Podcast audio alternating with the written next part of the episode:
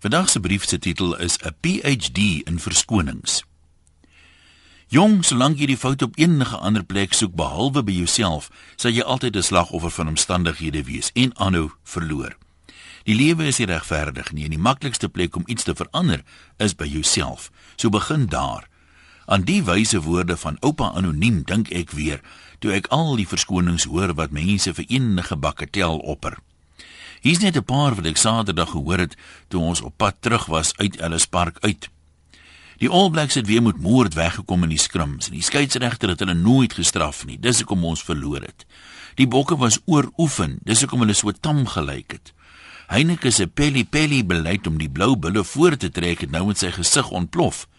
Kan mense nie eers tel nie. En dan hierdie een wat ek later op Facebook gesien het. Waar het jy al gesien iemand beseer homself deur 'n bal te vang? Brian Abana het net 20 minute gespeel en toe gemaak of hy beseer is omdat hy nie die risiko wou loop om regtig beseer te word nie. Hy verdien mos 'n fortuin oor see. Nou wat met die meeste van al hierdie opmerkings plaas dat dit als in Afrikaans was. Om een of ander rede verwag 'n mens mens altyd meer van jou eie mense. En as hulle sulke totale snert kwyt raak, dan reflekteer dit mos soort van op jou ook. Jy kan jouself nie eers verontskuldig deur te vra, nou wat anders verwag jy dan van hulle nie? Het moan oor alles aan nou 'n kenmerk van ons ou volkie geword. En as dit het, hoe bly mens trots Afrikaans? Kyk, laat ons dikwels rede het om te kla oor skeieregters is gewis. Maar jy nie ook al gewonder of die refs nie beter sal vaar as hulle ook so vol brandas is soos die meeste mense wat hulle kritiseer nie. Saterdag was seker die beste skeieregter vertoning van die hele reeks en ek sê dit nie net omdat hy twee geel kaarte vir die All Blacks gegee het nie. Maar moet hy nou die blaam dra as ons nie ons afskoppe kan bemeester nie en tackles mis? Sal ons nie meer respek kry as ons dalk ook meer respek betoon nie?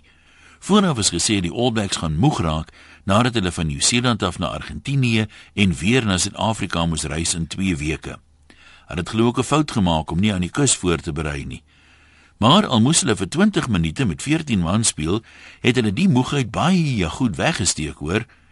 Na uur was die bokke met 27-24 voor. Maar toe die All Blacks moes begin moeg word, teken hulle in die laaste 20 minute nog 14 punte aan teen die bokke se 0. Terwyl van 'n bietjie perspektief ruil net gou die twee spanne om. Dink net hoe trots ons sou gewees het as die bokke halfpad in die wêreld moes reis om die All Blacks in hulle heiligdom te gaan klop, sonder die wêreld se beste losskakel, né? En dit nog met 14 man teen die einde. Dis nie aldag dat ons 4-3 het in die wêreld se onbetwiste nommer 1 span druk nie.